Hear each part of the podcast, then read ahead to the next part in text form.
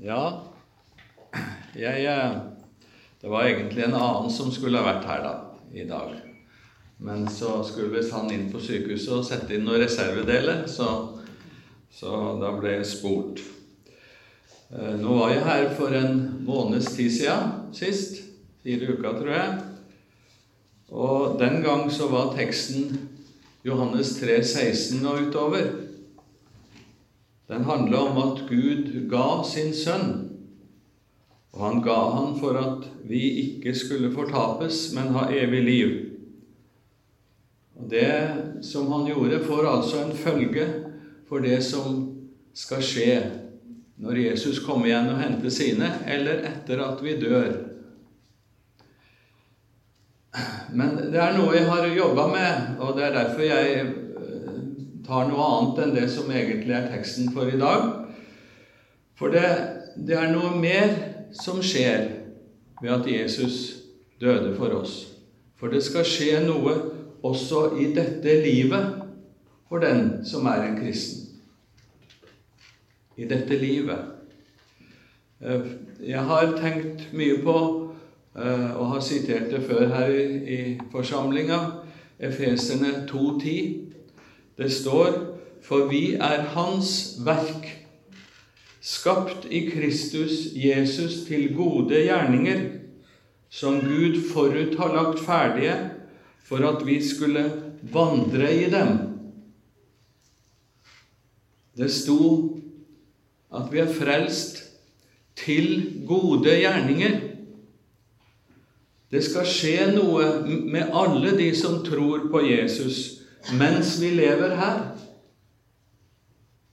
Det er et nytt liv.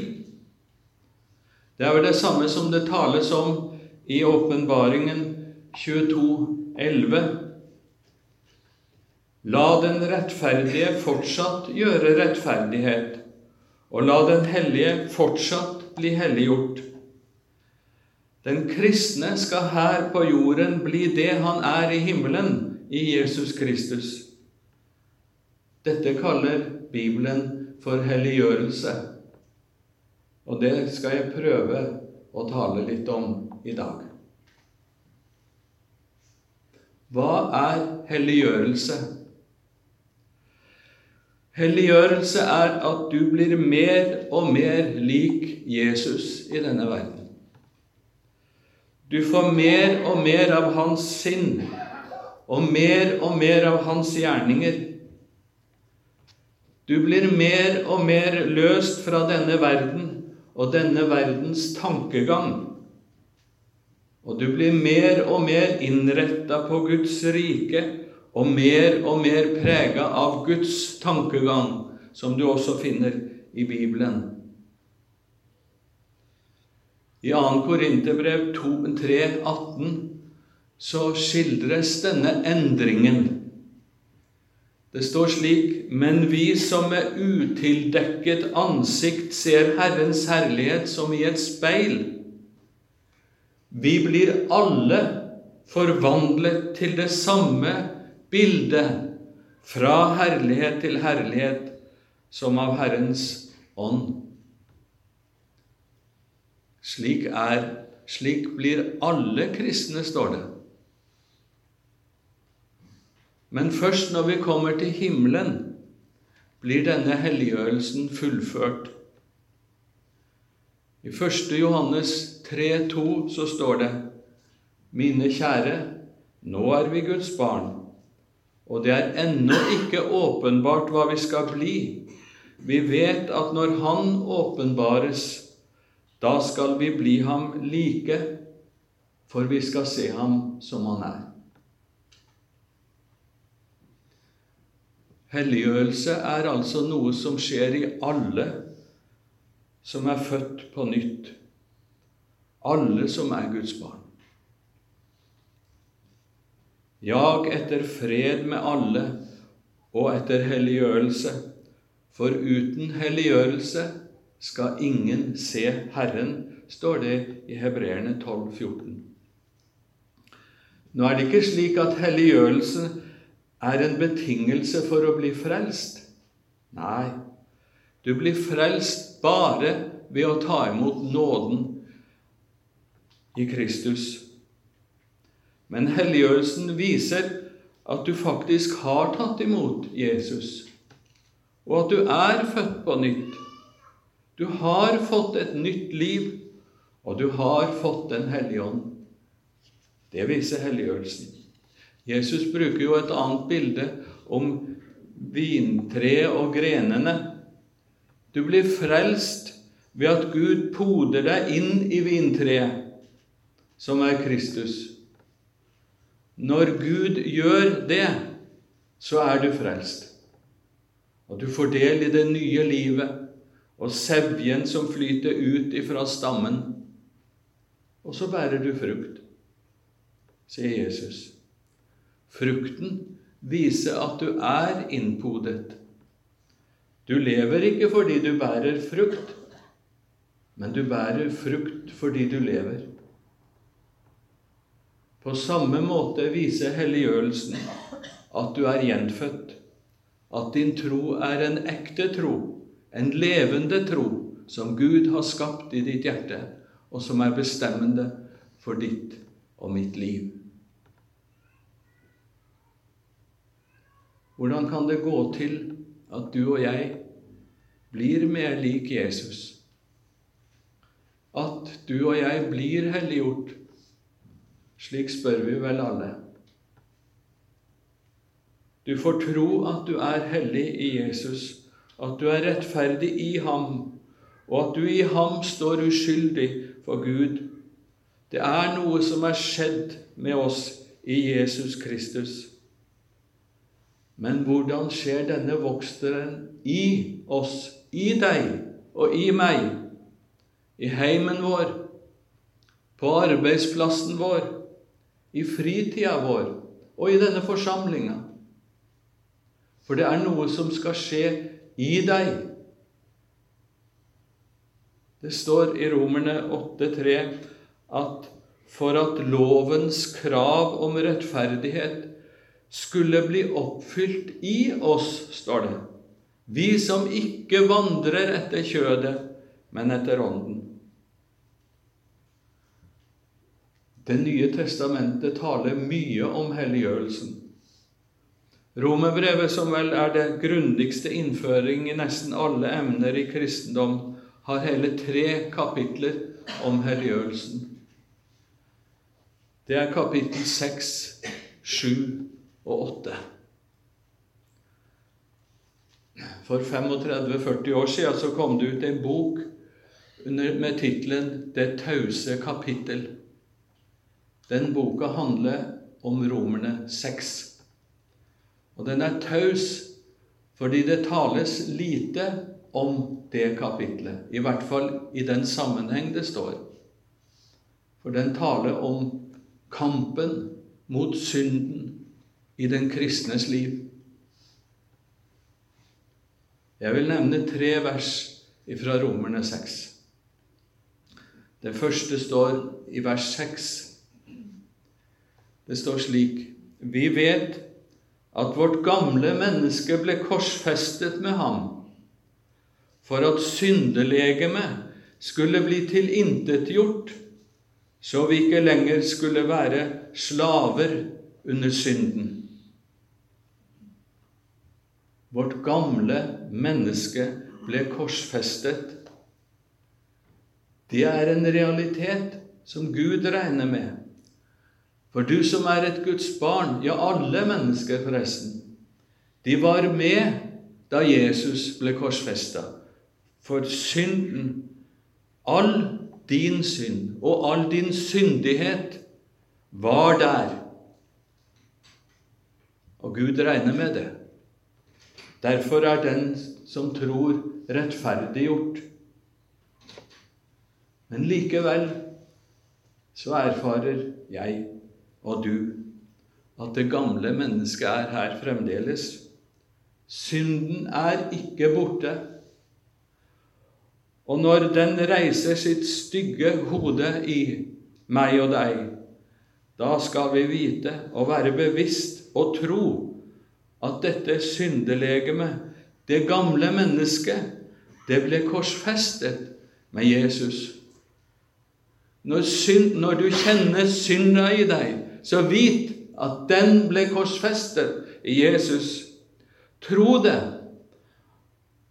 og la det du tror på, ta herredømme i livet ditt, for at syndelegemet skal bli tilintetgjort, sto det, så vi ikke lenger skal være slaver under synden. Syndelegeme, det er bare her i Bibelen det ordet er brukt. Ellers er det brukt kjødet, det gamle mennesket, den gamle Adam og slikt. Syndelegeme skal tilintetgjøres, sto det.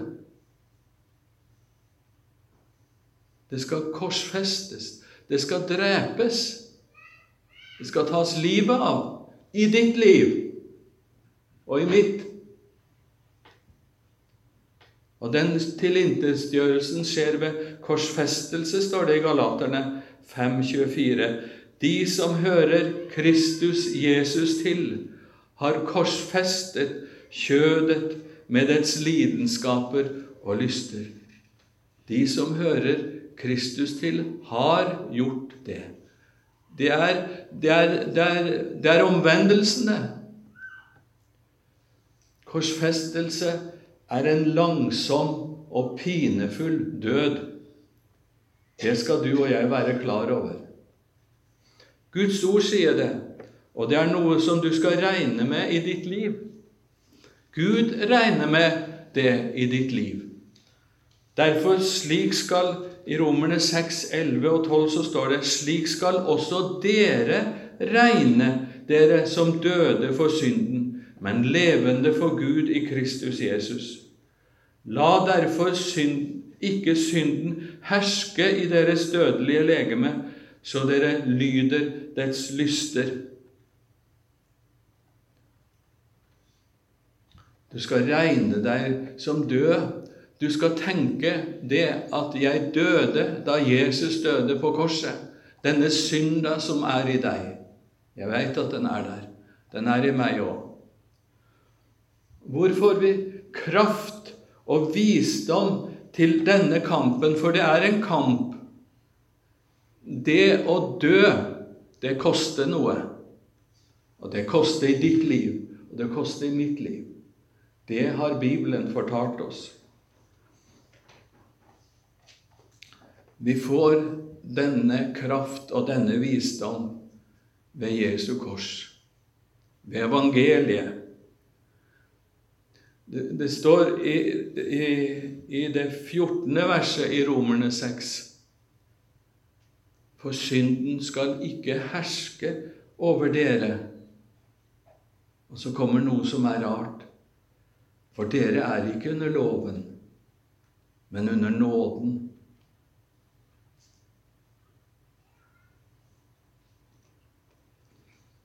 Dette er ingen befaling. I grunnteksten så, så, er grammatikken mye klarere enn det er på norsk. Gresk har mange flere former, og du kan bestemme det sånn. Dette er ikke en, noe, et påbud når det står 'skal ikke', men det er et Eh, noe som skal skje. Futurum heter det jo. Det er en fremtidsform. Det handler om noe som skal skje i ditt liv fordi du er under nåden. For nåden, det å leve under korset, eh, der Jesus døde for deg, det er en livsmakt som utfølger et herredømme. Under den kan ikke synden og det gamle mennesket få utfolde seg fritt. Du har Kristi sinn, den som tror, som og Kristi sinn hater, hater synda som er i deg. Synden er ikke forenlig med Kristi sinn. Det at det skjer ved nåden, det betyr også at du har ikke kraft i deg selv du vokser ikke i helliggjørelsen ved å holde opp for deg de ti bud eller Guds vilje på annet vis.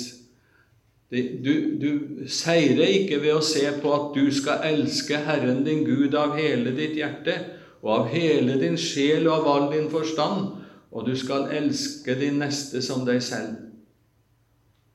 Du har ikke kraft til det. Ikke jeg heller. Ingen har det.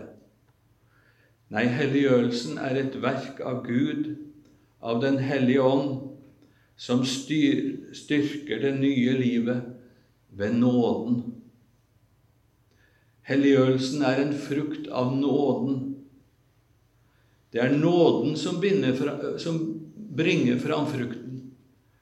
At du elsker Gud og din neste.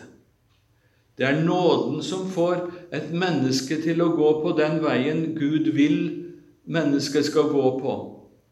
Og det er nådens Gud som har lagt ferdiggjorte gjerninger langs den veien. Gjerninger som Guds barn får oppleve, men som er Guds gjerning som han skal ha æren for. Vi husker at Jesus sier, 'Slik skal dere la deres, lyset deres skinne for menneskene', så de kan se de gode gjerningene dere gjør, og prise deres Far i himmelen.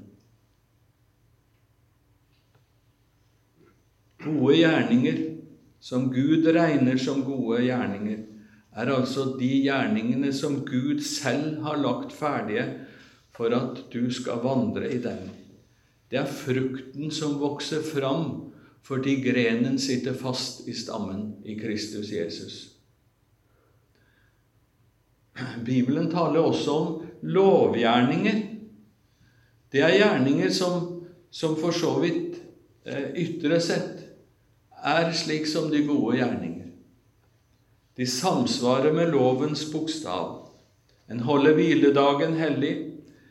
En stjeler ikke, og en lyver ikke, og en bryter ikke ekteskapet. Men lovgjerninger etter Bibelen er ikke en følge av helliggjørelse. Det er en gjerning som, som, som kjødet fremskaffer, og som er en slags ytre forbedring. Paulus kaller slike gjerninger for skrap. Og vi skjønner at det er slik, for det er en annen betegnelse på de også, og det er at det er døde gjerninger. Og de er døde fordi de er utført av åndelig døde mennesker. Hvor mye mer skal da Kristi blod rense vår samvittighet fra døde gjerninger, så vi kan tjene den levende Gud, står det i Hebreerne 9,14.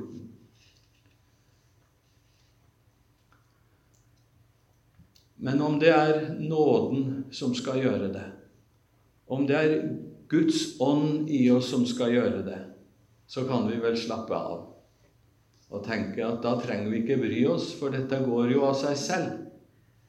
Nei, sånn er det ikke. Og Bibelen forteller det.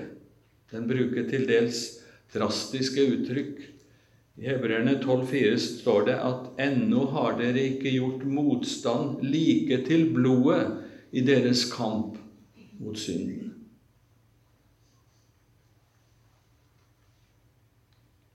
I Romerne 7, altså etter kapittel 6, så forteller Paulus på en gripende måte om sin personlige kamp mot synden, mot kjødet og mot syndelegemet. Den hellige Paulus, han visste også om det i sitt liv. Han sier i vers 9, og da snakker han om noe som var før, at han en gang levde uten lov, sier han. Han mener nok med det at han ikke hadde forstått Guds lov slik den var. Han kjente nok fariseernes modifiserte lov med mange, mange hundre regler, og han levde etter de, de ytre gjerninger. Men så opplevde han hva loven virkelig krevde, og så sier han, men da budet kom, da våknet synden til live. Synden i han, altså. Også før var den der. Men den fikk ikke noe motstand. Det var ikke noe som holdt igjen, så den, den sov på en måte, synden i ham. Men så forsto han. Du skal ikke begjære, sier han. Lysten til å sette seg selv høyt over både Gud og nesten. Lysten, synden i han.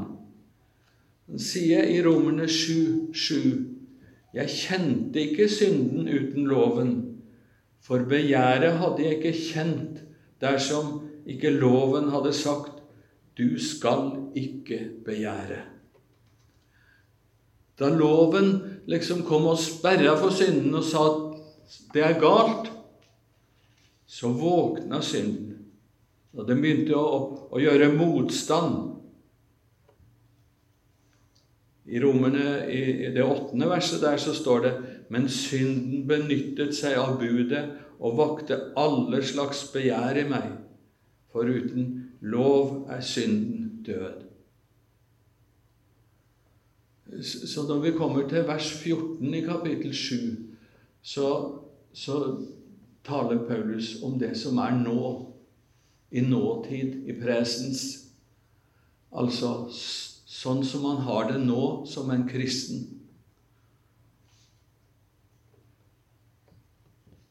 Og så ser vi at fremdeles så har han kjødet og syndelegemet, men han har også et annet jeg. Han sier i vers 22.: For etter mitt indre menneske slutter jeg meg med glede til Guds lov. Det kan ikke et uomvendt menneske si. Her ser vi tydelig at han på en måte har to personer inne i seg. Og Galaterbrevet skildrer at de kjemper mot hverandre, disse to krefter, i en kristens liv, i Paulus sitt liv.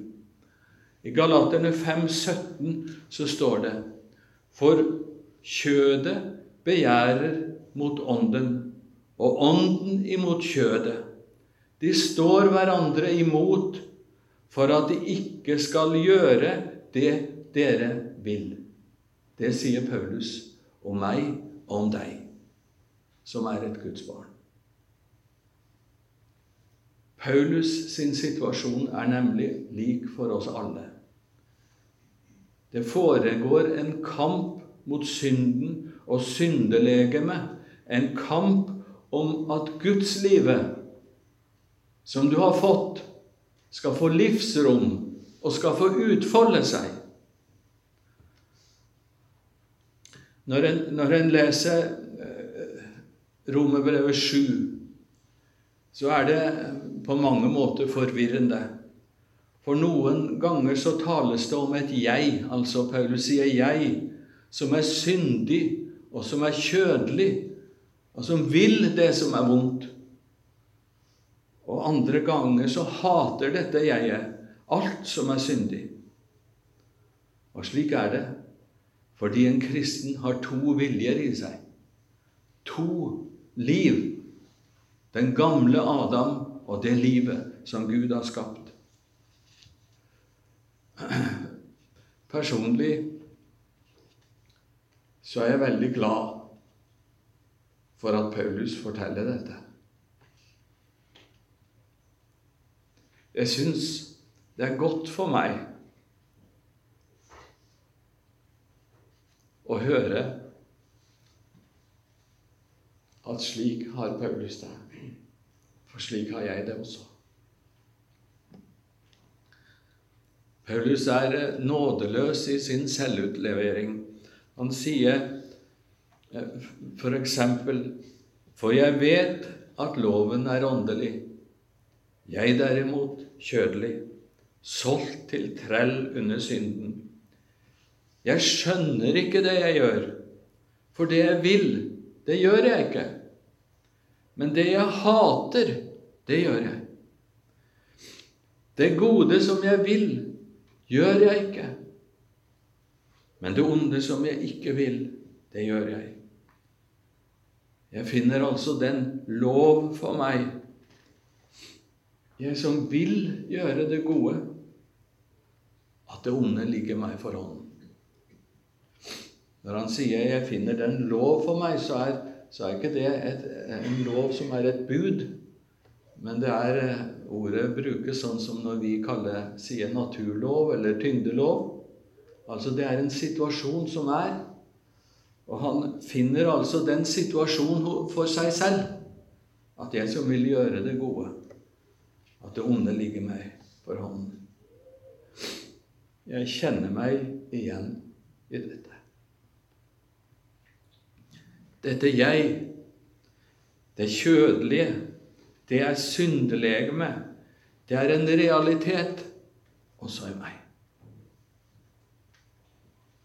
Jeg er glad for at Paulus har fortalt det, hvordan han har det. Så skjønner jeg at jeg er ikke aleine. Og så må vi ikke, fordi Paulus hadde det sånn, glemme at synden hos han var også synd. Og synd hos en kristen er synd. Det er ikke en mellomting mellom noe godt og vondt fordi det er en kristen som sier det om seg selv. Den er heller ikke bare en fristende makt utenfor oss, men det er en kjensgjerning i oss. Like så ond og satanisk som den er hos det mest gudløse mennesket, ja, hos Satan selv. For det er synd Synda kan aldri skifte vesen, bare form, sier Ludvig Hope.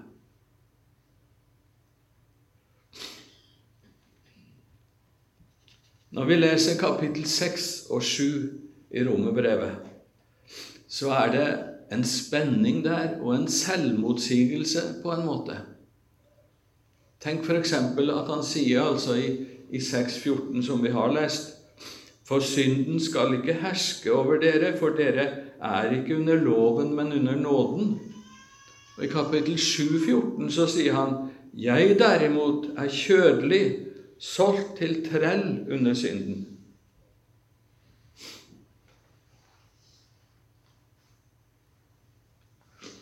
Da skal vi huske på at kapittel 6, der handler det om det du i troen vet og tror om helliggjørelse. For helliggjørelse har med tro å gjøre. Det er noe som du tror skjer ved nåden, og fordi du klynger deg til nåden og til evangeliet. Mens kapittel 7 handler om det du opplever i deg selv i kampen mot synden. Og siden du finner nåden hos Gud i himmelen det er en dom i himmelen. Så finner du synden i ditt eget hjerte. Og da er det kanskje ikke så rart at du opplever det sterkest. Den spenningen er ingen selvmotsigelse, men det er en opplevelse av spenning mellom det du tror på, og det du erfarer. Denne spenningen tar livet av fariseeren i deg. Men den tenner også en ny tillit og en tilbedelse sammen med de mange millioner som har nok med nåden. Når det er slik, så er det ikke så rart om Paulus avslutter dette kapittel 7 på denne måten. Det står i 7, 23 og 24. Men i lemmene mine ser jeg en annen lov, lovmessighet, som strider mot loven i mitt sinn, og som tar meg til fange under syndens lov som er i mine lemmer. Jeg elendige menneske.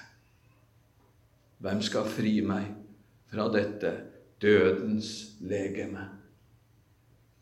Har du tenkt det noen gang? Det har jeg gjort. Og så svarer han med et av de mest kjente avsnitt i Bibelen. Gud være takk ved Jesus Kristus, vår Herre.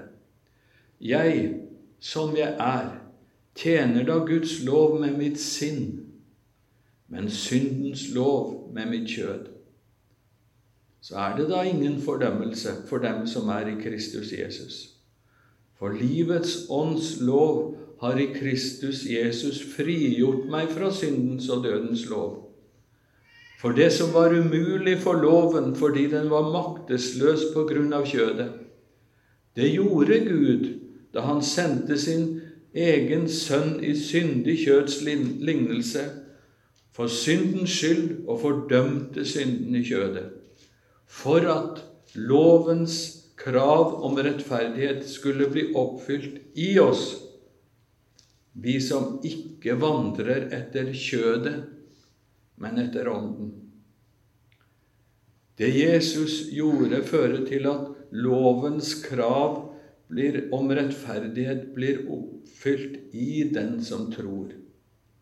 Det som var umulig for loven, nemlig at lovens krav skulle oppfylles i den kristnes liv, det, gjorde, det gjør Den hellige ånd ved evangeliet og om Jesus for at lovens krav om rettferdighet skulle bli oppfylt i oss. Det står i Romerne 8, 4. Lovens krav om rettferdighet skulle bli oppfylt i oss, vi som ikke vandrer etter kjødet, men etter Ånden. Du har kjødet.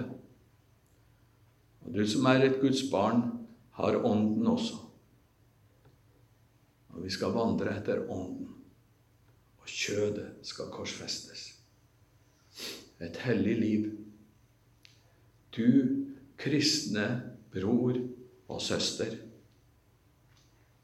Du er kalt til å leve et hellig liv. Da må du nære deg av evangeliet. Da må du leve ved Jesu kors. Ved det blir også lovens krav oppfylt i den kristne. Det står ikke at den blir oppfylt av oss, men det står at den blir oppfylt i oss. For når du går den veien Gud vil du skal gå, så ligger det noen ferdiglagte gjerninger som Gud har lagt ferdig, og som du får trø inn i for at Gud kan bli prist. Det blir ikke så mye ære på deg og meg, for vi bare uh, Vi bare kom borti det, for å si det sånn. Ja. Helliggjørelsen levendegjøres ved Guds, at Guds Gud ved sin ånd maler evangeliet for den som tror. I Romerne 8,11 så står det men dersom Hans ånd som reiste Jesus opp fra de døde, bor i dere, da skal Han som reiste Kristus opp fra de døde, også levendegjøre deres dødelige legemer ved sin ånd, som bor i dere. Og i vers 14.: For så mange som drives av Guds ånd, de er Guds barn. Det er vanskelig å tale om dette for meg. Både fordi at Ja Fordi at den har mislyktes. En syns ikke det er sånn alltid.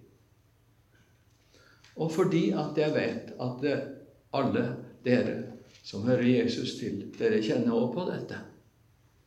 Det tror jeg. Og så tenker en jeg kan visst ikke være Guds barn. Det har jeg tenkt mange ganger. Og så er det så lett å se på loven, på det jeg skulle være, og så glemme at jeg må komme til Jesus, til korset. I går så leste vi i morgenandakten hjemme noe som jeg tenkte det må jeg ta med til slutt i dag. Den taler om Guds ånd, det som sto i andakten. Og så har vi så lett for å tenke at Guds ånd For å få den så må vi streve og be og arbeide og faste og mere til. men den får vi ikke på grunn av noe vi skal gjøre.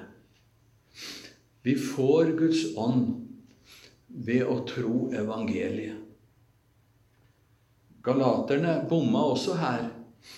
Og så spør Paulus dem var det ved lovgjerninger dere fikk Ånden, altså ved å gjøre ting, eller var det ved å høre troen forkynt?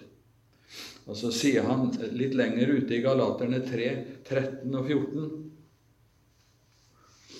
Kristus kjøpte oss fri fra lovens forbannelse ved, bli, ved at han ble en forbannelse for oss.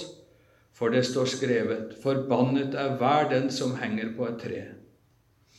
Dette skjedde for at Abrahams velsignelse skulle komme til hedningene i Kristus Jesus, for at vi ved troen skulle få Ånden som det var gitt løfte om. For Ånden kommer alltid med evangeliet, med det som skjer ved Jesu kors. Du får den ved å tro evangeliet.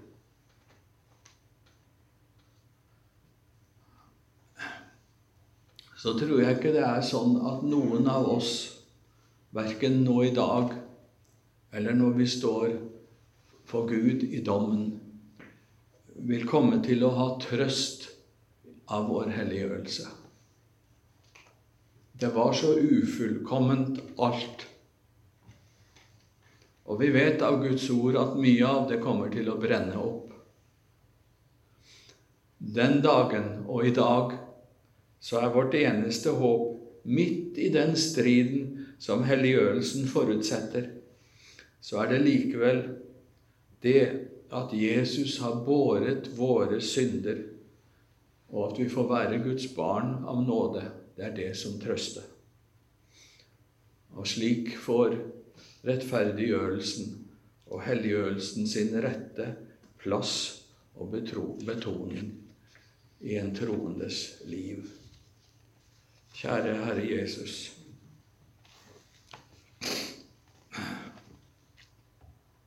Jeg ber at eh, at dette som på mange måter er vanskelig for meg, og sikkert for mange her, at du må tale til oss om det, og at det må følge oss på en slik måte at du finner oss ved ditt kors, og at du finner oss i gode gjerninger der du har satt oss. Amen.